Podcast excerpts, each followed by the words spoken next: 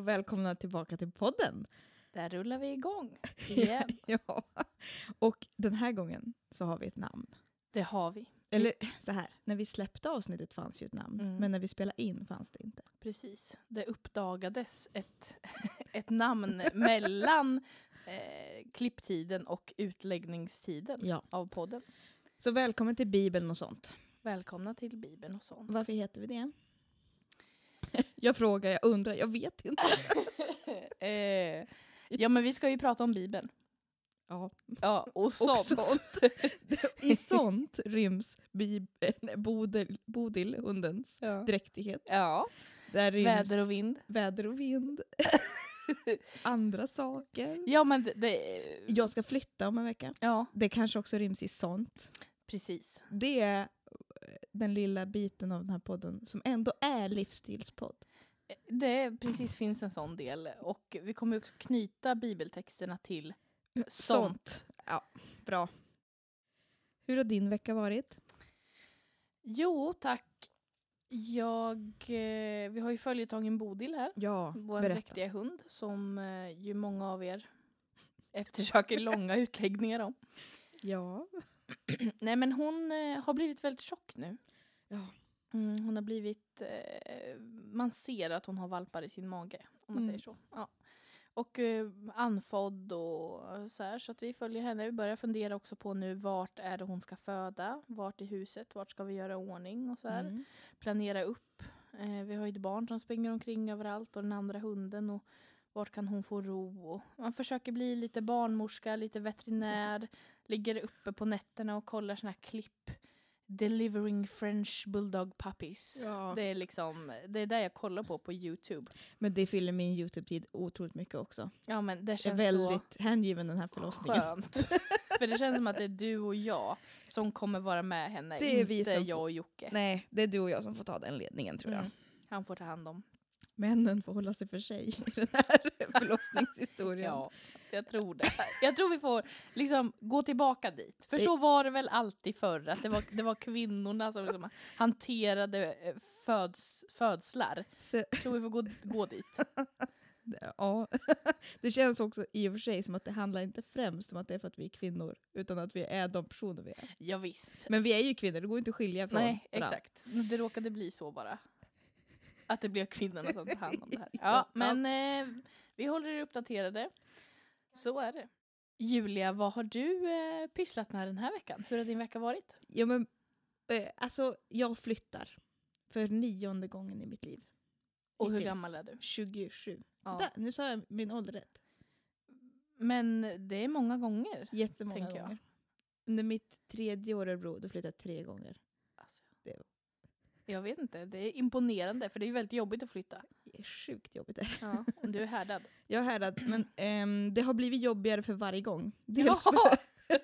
Okej, det har liksom verkligen eskalerat. Eh, första flytten var inte så jobbiga. men du har mer saker Jag har då? otroligt mycket Ja. mer saker. Jag har ju mångdubblat eh, sakerna från första flytten. Ehm, men det är också det emotionella är jobbigare för varje gång. Mm. Men ehm, det här kommer bli bra. Jag ska bli lite mer granne till er. Mm, det blir trevligt. Ja, jag har ju köpt hus, så det är dit jag ska Ja. flytta. Så det är en helt det är en oöverträffad flytt. Det är liksom också med känslan att nu ska jag inte flytta på ett tag. Exakt. Antar jag. Ja. oh ja. Eller ska det bli en ja. tionde gång Nej. inom ett år? Tionde gången gilt. Ja. Nej, någon flytt senare i livet blir det säkert, men eh, jag gillar ändå att flytta. Jag tycker om att börja om. Mm.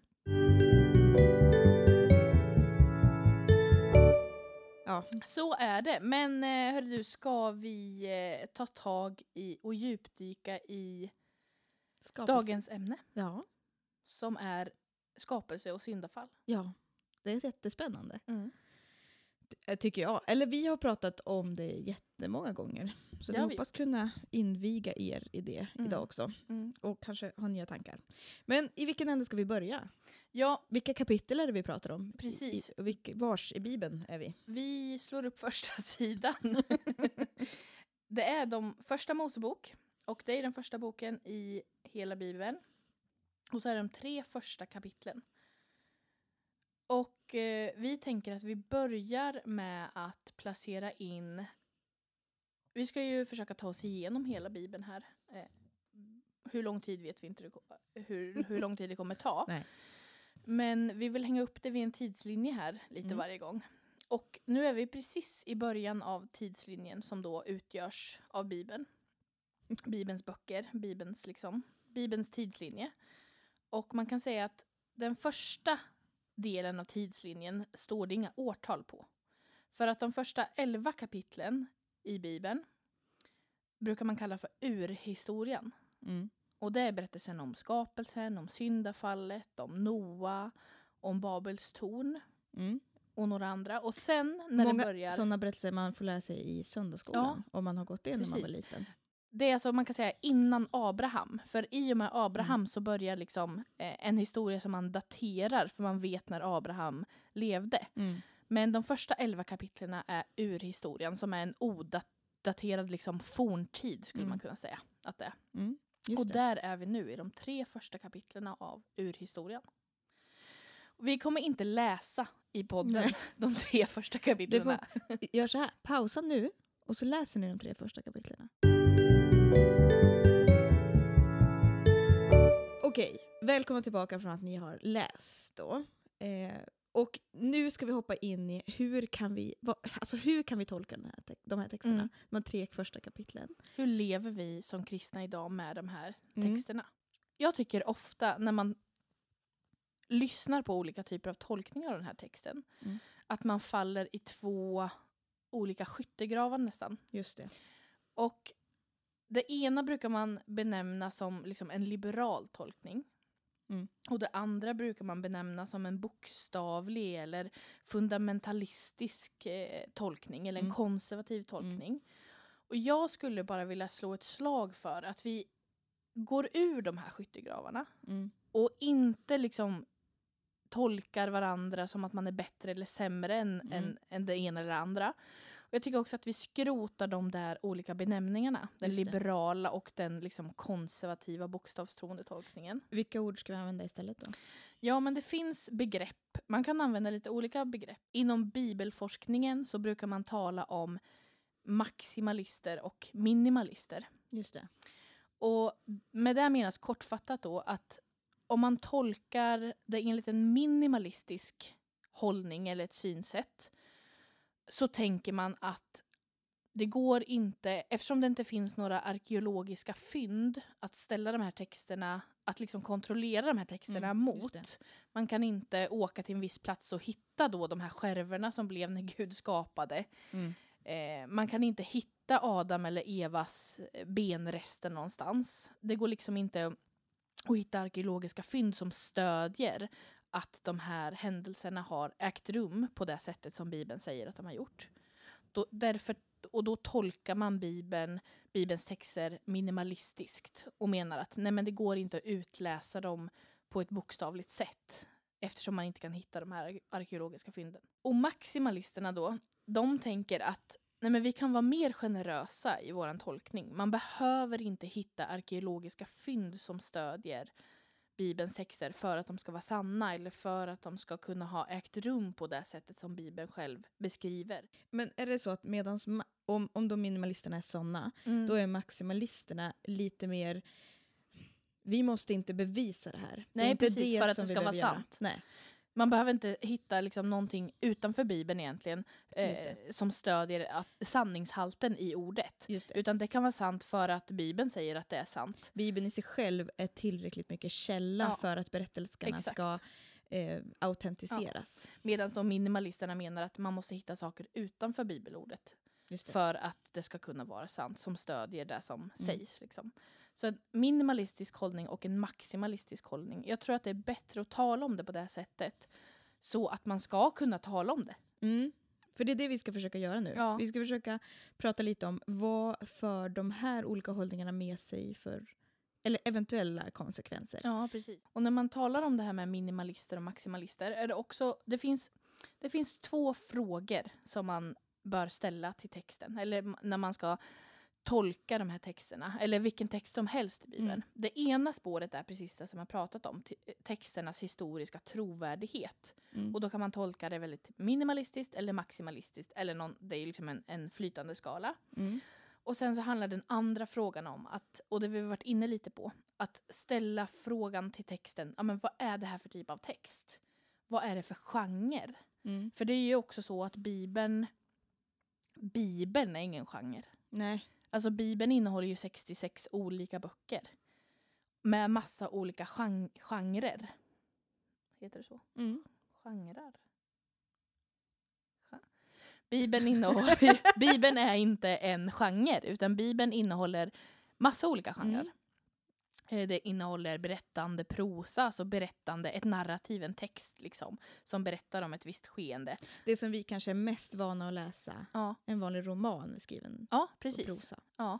Och, men det innehåller ju också sånger och poesi, Mm. profetior och apokalyptik som vi Mm. kommer gå in i och prata om vad, vad är det för någonting. Mm. Men man behöver alltid när man läser Bibeln för att läsa den så sant som möjligt ställa sig frågan vad är det här för typ av text? Så om man då är minimalist och kristen, vad får man för, Just det, vad blir det för konsekvenser? vad blir det för konsekvens? En, en sorts konsekvens är ju att tolka berättelsen existentiellt. Mm. Vilket då innebär, att det, eller det skulle kunna innebära, att eh, skapelseberättelsen säger någonting om människan i stort. Att skapelsen och frälsningen kanske hör ihop. Att, eh, ja men ungefär som att liksom det, det skapelsen beskriver är mer hur en människa är, eller människans olika livssteg Mm. och så vidare. Precis. Eh, inte faktiska, det här hände, de åt en frukt, de föll i synd, de vände sig från Gud och till sig själva på något vis. Utan, Utan någonting pågående, det här är det som människan alltid är med om i Mm. alla tider. Och Mm. det är det texten vill förklara. Eller? jag, jo, men jag lyssnade på en podd faktiskt Mm. av eh, några som var präster och eh, de tolkade ju på det här viset. Mm. Eh, och de pratar mycket om att eh, skapelseberättelsen är, är otroligt närvarande i våra liv hela tiden för att de tänker att den äger rum hela tiden. Mm. Det var inte en händelse där och då där Gud skapade världen utan det är en bild av att Gud är skapare. Gud skapar liv, Mm. Gud skapar förutsättningarna för liv.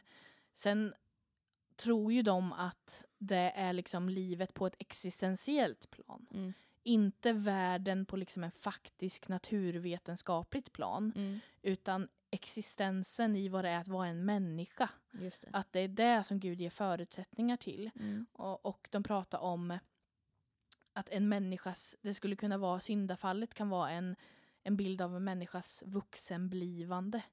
Att man föds liksom eh, oskyldig som ett barn och sen så Mm. ska man göra någon slags revolt. Mm. Och sen så kommer man ut lite på andra sidan. Ehm, och så menar de också att skapelsen och frälsningen hänger väldigt tätt samman ihop. Att Mm. det Gud skapar i samma eh, veva eller samma, det är samma sak att vara frälst som att vara skapad. Så allt som är skapat är frälst av Gud och Gud skapar hela tiden. Mm. Gud har liksom skapat mänskligheten frä- och frälser den genom sitt skapande. Just det. Och då kan man ju leva i enlighet med att vara minimalist och kristen Mm. om man förklarar det på det här existentiella Mm. planet. Men vi går in lite på maximalisterna då. Vad, då. Då tänker man mer att det är som det står. Ja, Eller? precis. Ja, lite mer, det här är en berättelse och den beskriver vad Gud gjorde. Mm. Och den, vill, den förklarar sig själv, typ. Ja, Eller? att liksom... Om man ja, ska men, hårdra det. ja, men det står att eh, man behöver inte ta hänsyn till det naturvetenskapliga. Nej. Utan man, man får ju då, om man ska eh, löpa hela den linan ut, får man ju tänka att jorden är ungefär 6000 år gammal. Just det. Eftersom det går att härleda släkttavlorna Mm. från Adam då och neråt Eftersom sen. det står lite grann om hur gamla folk blev och sådär också. Och, precis. och släkttavlan förstås. Ja, och då är jorden ungefär 6000 år gammal. Och då behöver man inte bry sig om att naturvetenskapen säger någonting annat. För Nej. att Bibeln säger ju det här och det är Bibeln jag tror är sann. Mm.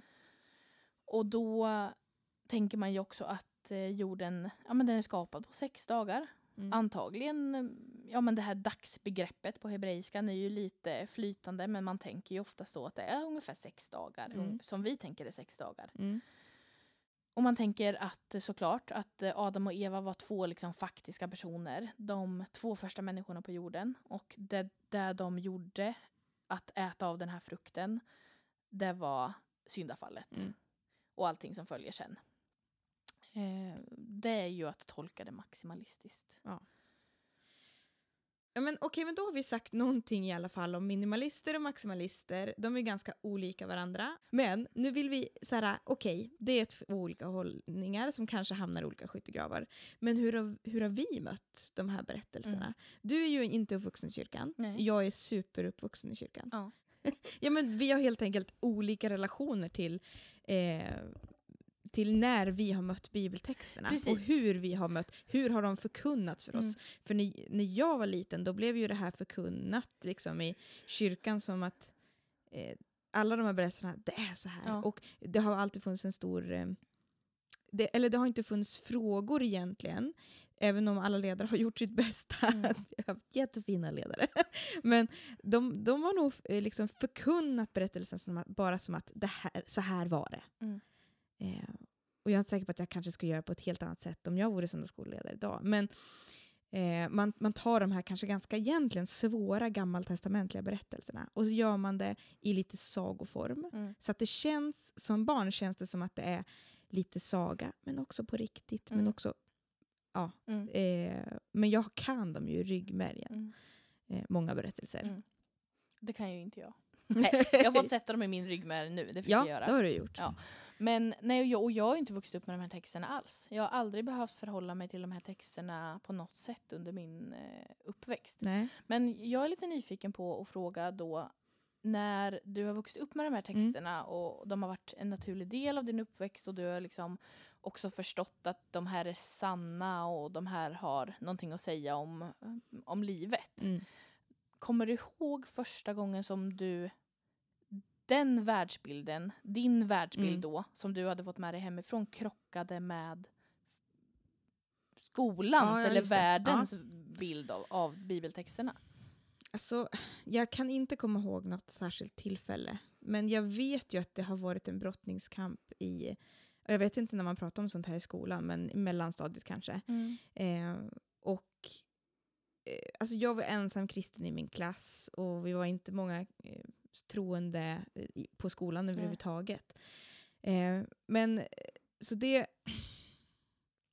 Ja, men det har väl liksom så här, för mig i skolan så blev det mycket att jag skulle nog ändå hålla fast vid eh, de bibliska berättelserna.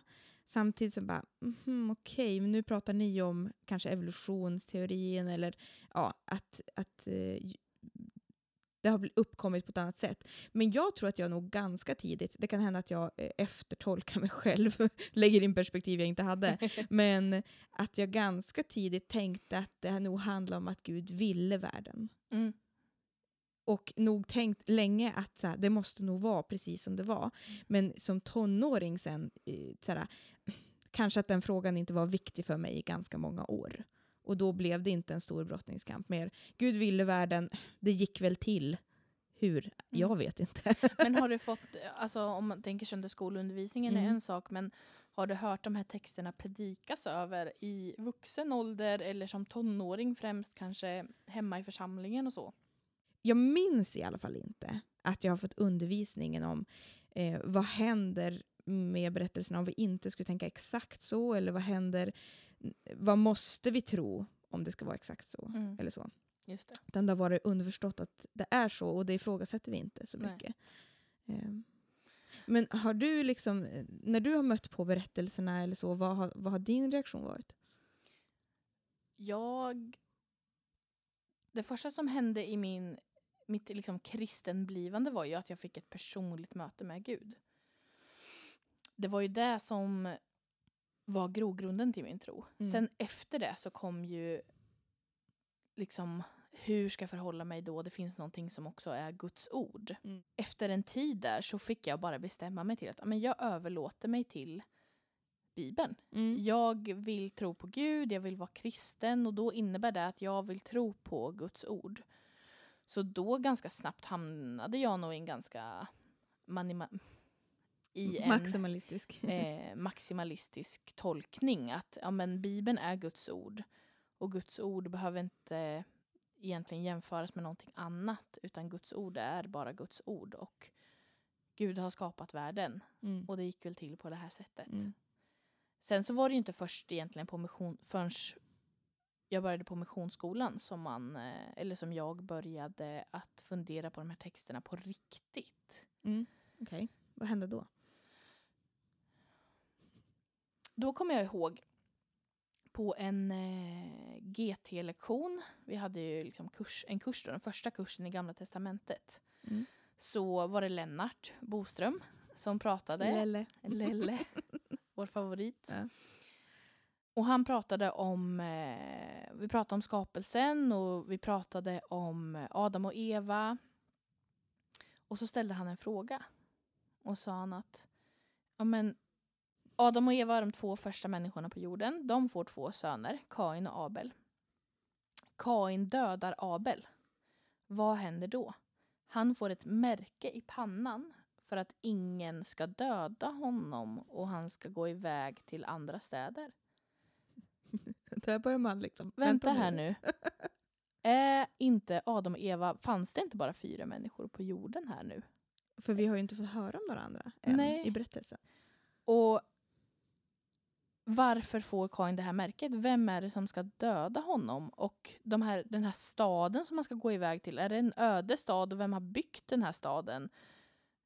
Hur Ja. länge har de finnats? Precis. F- finnats? Ja. Funnits då? Och Ja. då var det ju liksom så här, ja men just det.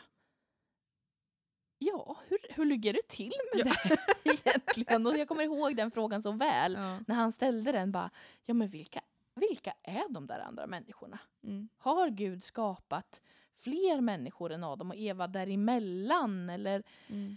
ja, men hur ska jag förhålla mig till de här texterna? Mm. Måste det vara så att måste Adam och Eva vara verkliga historiska personer eller måste de inte det? Mm. Vad händer om de inte är verkliga historiska personer och vad händer om de är det? Ett, så, en sak som vi snubblar på ganska direkt när vi pratar är att om de inte är verkliga historiska personer som har funnits och det har gått till så, ungefär så som det står.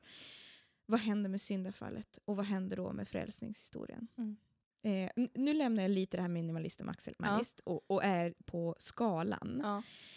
Mellan dem. Eh, att om om Eva och Adam, vi säger att de inte var historiska, verkliga personer, utan berättelsen vill säga någonting om Guds kanske uppsåt. Mm. Gud har skapat människan. Man går med på det faktumet. Mm. Gud har skapat människan. Men när människan liksom lever så upptäcker hon att skapelsen är ju trasig. Alltså man möter ondska, man ser att det är jar jara. Eh, man vill förklara på det här. Och Gud ger den här berättelsen till Mm. människan som för- förklaring på varför är det trasigt. Mm.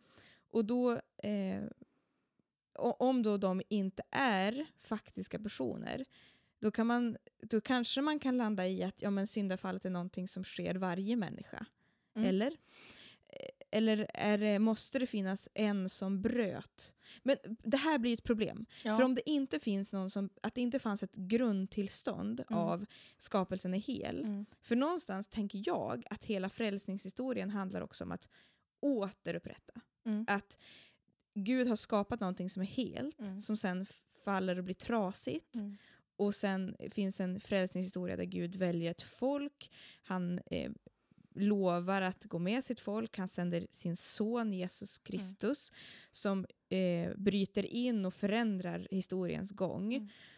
Som till slut kommer leda till en återupprättad skapelse. Där vi, eh, alla människor som tror på Jesus, får komma tillbaka. Mm. Men om det då inte finns något att komma tillbaka till, alltså den här början Mm. är bara en myt Mm. Då blir eh, hela den här berättelsen lite svajig Mm. på något vis. Verkligen. Så här, vad ska vi knyta an Mm. vårt... Ja, och eh, det är det här som blir problemet för mig. Det här är det varför jag har svårt att helt lämna eh, Adam och Eva som historiska personer. Mm. För att när jag har brottats med den här berättelsen, vilket Mm. jag har gjort ganska mycket, in, inte brottats som i gör det att jag tror eller inte, Nej. men brottats i hur, hur måste det vara för att, eh, för att det ska liksom fungera, Ja. för att det ska kännas logiskt Mm. också. Ett stort problem som jag också har med den eh, liksom, strikt existentiella tolkningen, Mm. att det här är någonting som händer i varje människas hjärta, och så här, att den är så väldigt individualistisk. Att det, det, det är bara min personliga resa som mm, liksom syndafall kan säga någonting Mm. om. Um, medans jag upplever att Bibeln ju oftast talar till kollektivet, ganska sällan till enskilda individer. Det är först till Israel liksom som, som land och nation som är Guds utvalda folk. Och sen är det kyrkan och församlingen som är eh, också Guds eh, utvalda folk. Så att nu, nu är båda, båda två Guds folk liksom, Mm. och de som vill tillhöra Kristus. Och det blir väldigt svårt att ha en eh, existentiell tolkning bara där. För att det är ju saker som, alltså Jesus och skapelsen och syndafallet är ju någonting som jag tror Bibeln vill, vill säga, det jag tror Bibeln vill förmedla, att det här angår hela världen. Mm, Det här... Eh, Ja. ja, ja, det Det angår, hela, världen. punkt. Ja, och, och, och det blir väldigt det svårt in- att se ja. korshändelsen Mm. som att den... Men det finns ju också, jag tror att om man, om man går hela vägen och löper den linan ut, Mm. då finns det också många som tolkar korshändelsen existentiellt. Mm. Alltså okej. att Gud har också upprättat någonting på ett existentiellt plan i, i, i varje människas hjärta. Alltså det är inte, det, och det här har vi ju med liksom ehm, objektiv och eh, subjektiv försoningslära. Det här är klurigt. Ja, Fyra år på RMS, jag förstår fortfarande inte. D- den objektiva försoningsläran handlar ju om att man tror att det händer någonting faktiskt Mm. i hela världen som påverkar hela mänskligheten när Jesus dog på korset. Okej. Och den subjektiva är ju att, män, att Jesus har uppstått i ditt hjärta. Ja, just Det behöver inte vara att han faktiskt liksom uppstod, att förlåten faktiskt brast. Att Mm. de här faktiska sakerna som påverkade hela världen, det behöver inte ha hänt. Jag tolkar det som att det händer någonting i mitt hjärta på ett Mm. existentiellt plan. Och då, då kan man ju löpa den linan ut. Mm. Om man, men ja, om man, om man tolkar då syndafallet och skapelsen på ett existentiellt plan, tolkar man väl också, antar jag, korshändelsen på ett existentiellt plan. För annars så får man ju en väldig dissonans i hela sin bibelsyn. Mm. Och det... Jag skulle kunna säga att jag, om jag skulle anamma den här eh, och, tolka syndafallet och skapelsen på ett existentiellt plan. Jag säger inte att jag Mm. gör det, men, Nej, men, låt oss. men det jag absolut inte skulle kunna leva med är att tolka korshändelsen på ett existentiellt plan. Just det. För att? För att det har hänt. ja, Jesus har dött för alla våra synders skull, hela mänskligheten. Jesus har återupprättat. Att följa honom är någonting som påverkar hela mitt liv, inte bara i mitt hjärta, i mitt känslomässiga plan. Alltså för det, jag tror att det här också, om man ska löpa linan ännu längre ut, Mm. påverkar också hur jag ser på eh, att leva som kristen, mitt Mm. lärjungaskap. Jag tror att leva som kristen, att leva som lärjunge är någonting som ska genomsyra varenda liten del av mitt liv. Mm. Inte bara en liten del i mitt hjärta som, eh, som påverkar vad jag känner eller vad jag tänker om vissa saker och att det är någonting som jag kan skilja från andra saker i min person eller i mitt liv. Utan jag tror att det också påverkar hela mitt liv, hela människan. Så jag får väldigt svårt att leva, alltså det är från det hållet snarare som Mm. jag får väldigt svårt att leva med eh, en, en existentiell tolkning bara av syndafallet och skapelsen. Mm. För att jag kan inte löpa hela liksom, linan ut i Just den det. tanken. För att det gör saker med alla andra berättelser. Ja, Alla berättelser i Bibeln Ja. måste då också då måste man ställa följa. om. Ja, Ja. Men, men mitt kanske största problem med det, med det du också pratar om nu är att jag vill att det inte bara ska handla om mitt, mitt eget val, min egen känsla eller upplevelse av Gud. Att den styr, utan, och det, det behöver inte vara så man tänker om man, man har den hållningen, men eh, det blir mitt problem med det, för att jag, jag har svårt att se att jag ska liksom forma mitt liv efter något jag känner. Jag vill forma mitt liv efter något som har en objektiv sanningshalt eller en objektiv, liksom det här har hänt utanför mig själv. Jag påverkade det inte. Och då tänker jag att det eh, där blir någon så här skillnad mellan objektiv och subjektiv. Att det inte är jag som kan... Jag väl, på något sätt så här, Gud har redan utvalt oss. Mm. Gud har utvalt män, människan och han har valt relation med oss. Mm. Och sen får vi tacka ja till det, Mm. eller tacka nej.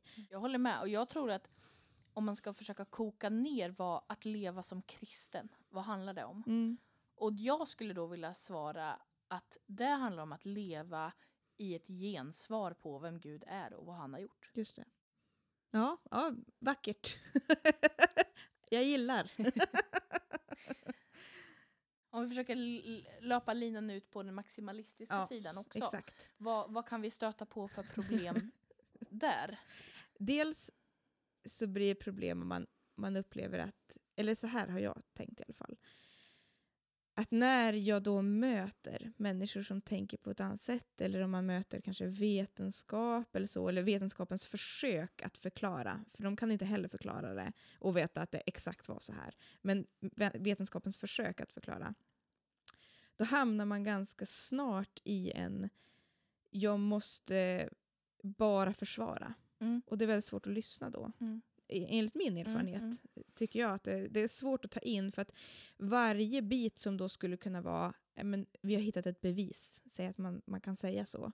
Vi har hittat ett bevis på att det var så här eller att Mm. jorden är så här gammal eller Mm. att mänskligheten nog ändå är så här gammal. Mm. Eh, då, då skakas ju hela berättelsen. Mm. Och då blir varje sån punkt avgörande för att rasera sanningshalten i hela berättelsen. Mm. Ja, precis. Och det blir något sorts farligt i, i, i den sortens sätt att tro då. Jag tycker Mm. att en viktig tanke att bära med sig i vi ska fortsätta prata om, om liksom den, att löpa linan ut i det maximalistiska förhållningssättet. Men en viktig tanke att ha med sig är att skapelseberättelsen Mm. inte på något sätt kan vara skapad i polemik mot våran moderna naturvetenskap. Nej. Det går inte för att den moderna naturvetenskapen fanns inte då. Nej. Och jag, jag upplever ofta att en sån typ av förhållningssätt Det blir lite anakronistiskt, eller? Att man plockar Ja. in den här tidens tänkande in i dåtidens Ja. tänkande. Eh, som är anakronistiskt betyder. Precis. Och, och att, att det ofta blir att man skapar den teologin i polemik mot naturvetenskapen. Mm. Men det är egentligen väldigt farligt att göra det. För att texten utger inte sig själv för att vara skapad i polemo- mm, polemik mot någon slags naturvetenskaplig text överhuvudtaget. Inte, inte nutidens vetenskap. Alltså, Och inte dåtidens heller. nej, men kan man inte tänka sig att den berättelsen kanske ändå skapas i polemik mot andra Skapelseberättelser. andra skapelseberättelser. Ja, alltså det är mer de berättelserna som man då... Mm. Eh, att, att berättelsen vill säga någonting om att det är Gud, den här enda guden, den enda sanna guden. Mm. Exakt. Inte någon monster som har ätit upp något annat monster som sen gjorde någonting och blev en grund till något. Precis. Eh, som ni hör, jag är inte super Nej, high men på alla det- berättelser. Nej, men det är exakt så jag tror att det är. ja. Att skapelseberättelsen är däremot skapad i polemik mot Mm. andra skapelseberättelser som fanns under den tiden. Men inte i polemik mot våra naturvetenskapliga fakta. Så därför så ska man främst jämföra skapelseberättelsen mot de andra texterna som fanns. mm. Eller berättelserna då. Den rådande polemiken som faktiskt var. Ja, precis. Och den, precis där du säger nu, om man lä- vi ska inte gå in och, och, och prata om de andra skapelseberättelserna. Eh, men det är väl Gilgamesh och Enuma Elish som är de två främsta skapelseberättelserna som man kan jämföra med, som fanns i liksom kringliggande kulturer. Mm. De kan man googla på. Precis, Gilgamesh och Enuma Elish. Och det, det som Bibelns skapelseberättelse då vill säga Mm. tror ju jag är då att Gud är skild från skapelsen.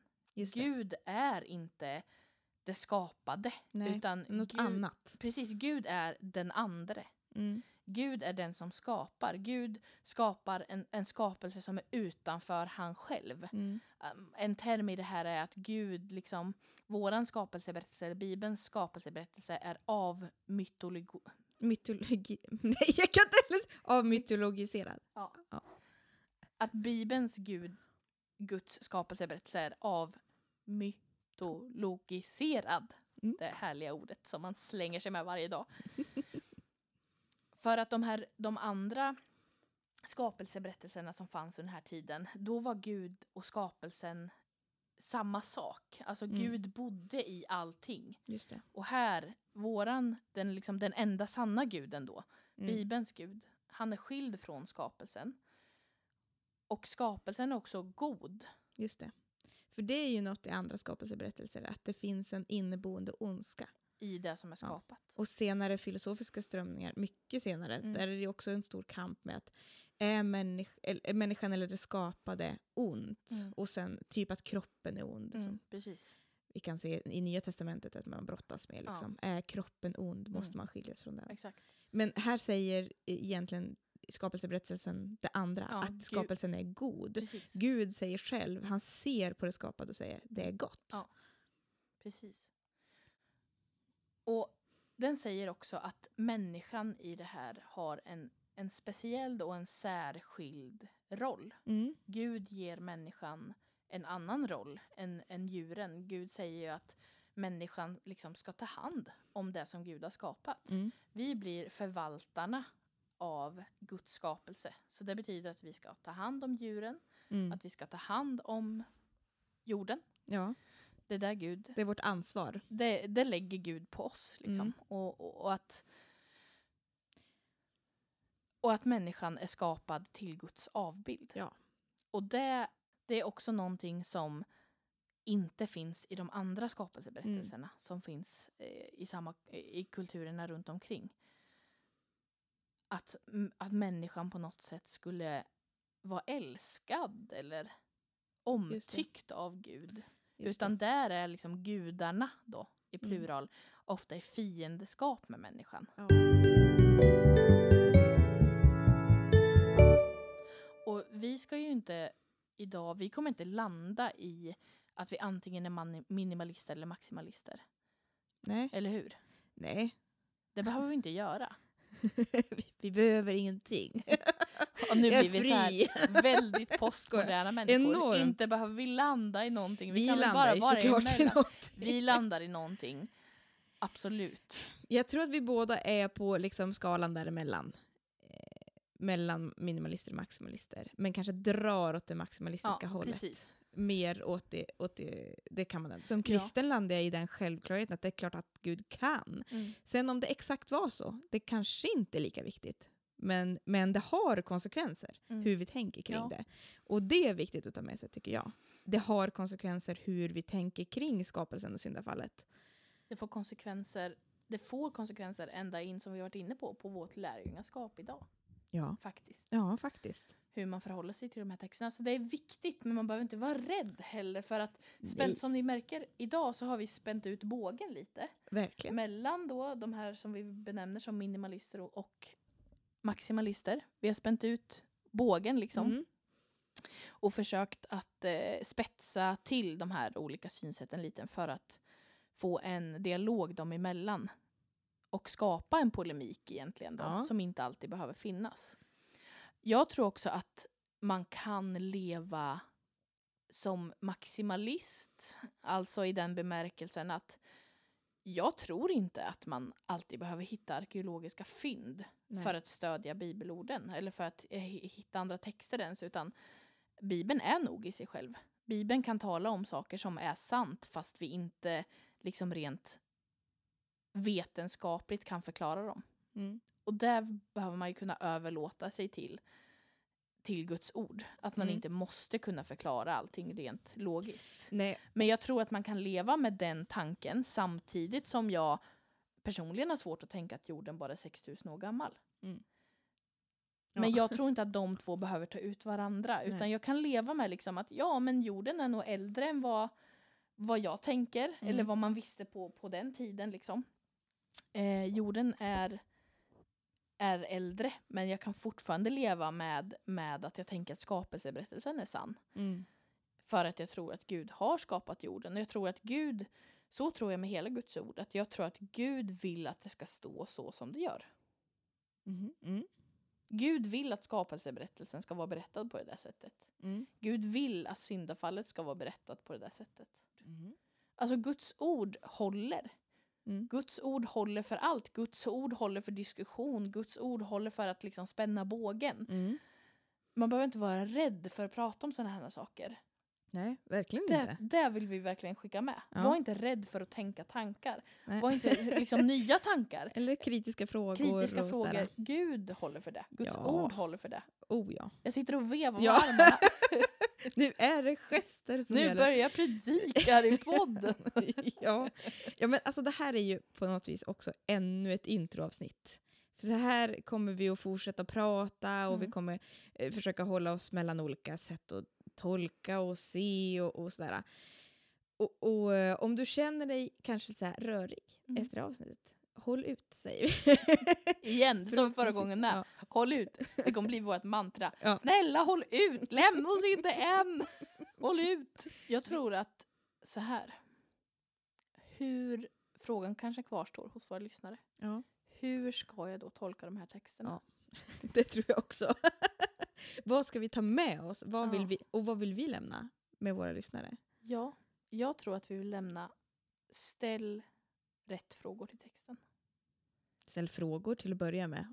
Ja, och, men för att kunna landa i en, en tolkning så behöver vi ställa rätt frågor. Mm. Och jag tänker att de frågor som är rätt att ställa till Bibeln alltid, Mm. till alla texter i Bibeln, vad vi än läser. Vad säger texten om Gud? Mm. Vad säger texten om livet i Guds värld? Just det. Vad säger texten om människan? Bra. Det är tre en mycket bra frågor. Ta alltid med de frågorna. Och när du då, du kanske efter det här avsnittet känner dig omtumlad. Läs texterna igen. Ja. kapitel 1, 2, 3 och ställ dig de här frågorna. Vad säger den här texten om Gud? Mm. Vad säger texten om livet i Guds värld? Vad säger texten om människan? Vi, vi ska börja gå in för avrundning här Ja. nu då. Vi tror att vi behöver få med oss de här frågorna som vi har nött på här om. och vi behöver eh, få med oss att det är inte farligt att ställa frågor till Gud, det är inte farligt att ställa frågor till Bibeln, att kanske till och med komma med lite olika sorters kritik och kritik till ens egen, ja men som i mitt fall min uppväxt och din uppväxt och, och sådär och ställa frågor och vara vara lite öppen samtidigt som vi får inse att det finns följder av hur vi tänker. Och Mm. därför är det viktigt att våga börja tänka och nästla lite hur jag tänker, vad, vad gör det med min tro, vad gör det med livet idag? Mm. Men att återkomma till att alltså Gud är ju Gud. alltså Gud, är, eh, Gud älskar sin skapelse. Ja, det, det vill vi skicka med. Gud älskar sin skapelse. Mm. Han såg att det var gott. Mm. Och han vill leva i relation Mm. med sin skapelse. Han väljer det. Fast Gud inte behöver så skapar han liksom hela alltet. Mm. Han skapar människan Mm. till sin avbild. Mm. Han måste, Gud behöver inte skapa, men Gud väljer att Mm. skapa. Jaha, tack för dagens avsnitt. Tack för idag. Nästa Mm. vecka Ja, då fortsätter då vi. går vi vidare i första Mosebok. Mm. Vad ska vi tala om? Noah. Vi ska tala om Noa. Japp. Och en liten hint. Eh, rubrikerna i Bibel 2000 är Jättarna, Noa och floden. Det är ju vilket stoff. Ja, det är jättespännande. Okej, ja, men då tackar vi för idag. Vi tackar för idag. Ses. Kul att ni är med oss. Eh, som sagt förra veckan, ha lite tålamod. Ja, Och skicka, fortsätt skicka in eh, frågor och eh, tankar. Eh, så kan vi försöka ta upp den tråden nästa vecka Ja. till att börja med. precis. Och sen också kanske vad ni skulle vilja höra i Mm. framtiden. Tack för oss. Tack, tack. Hej då.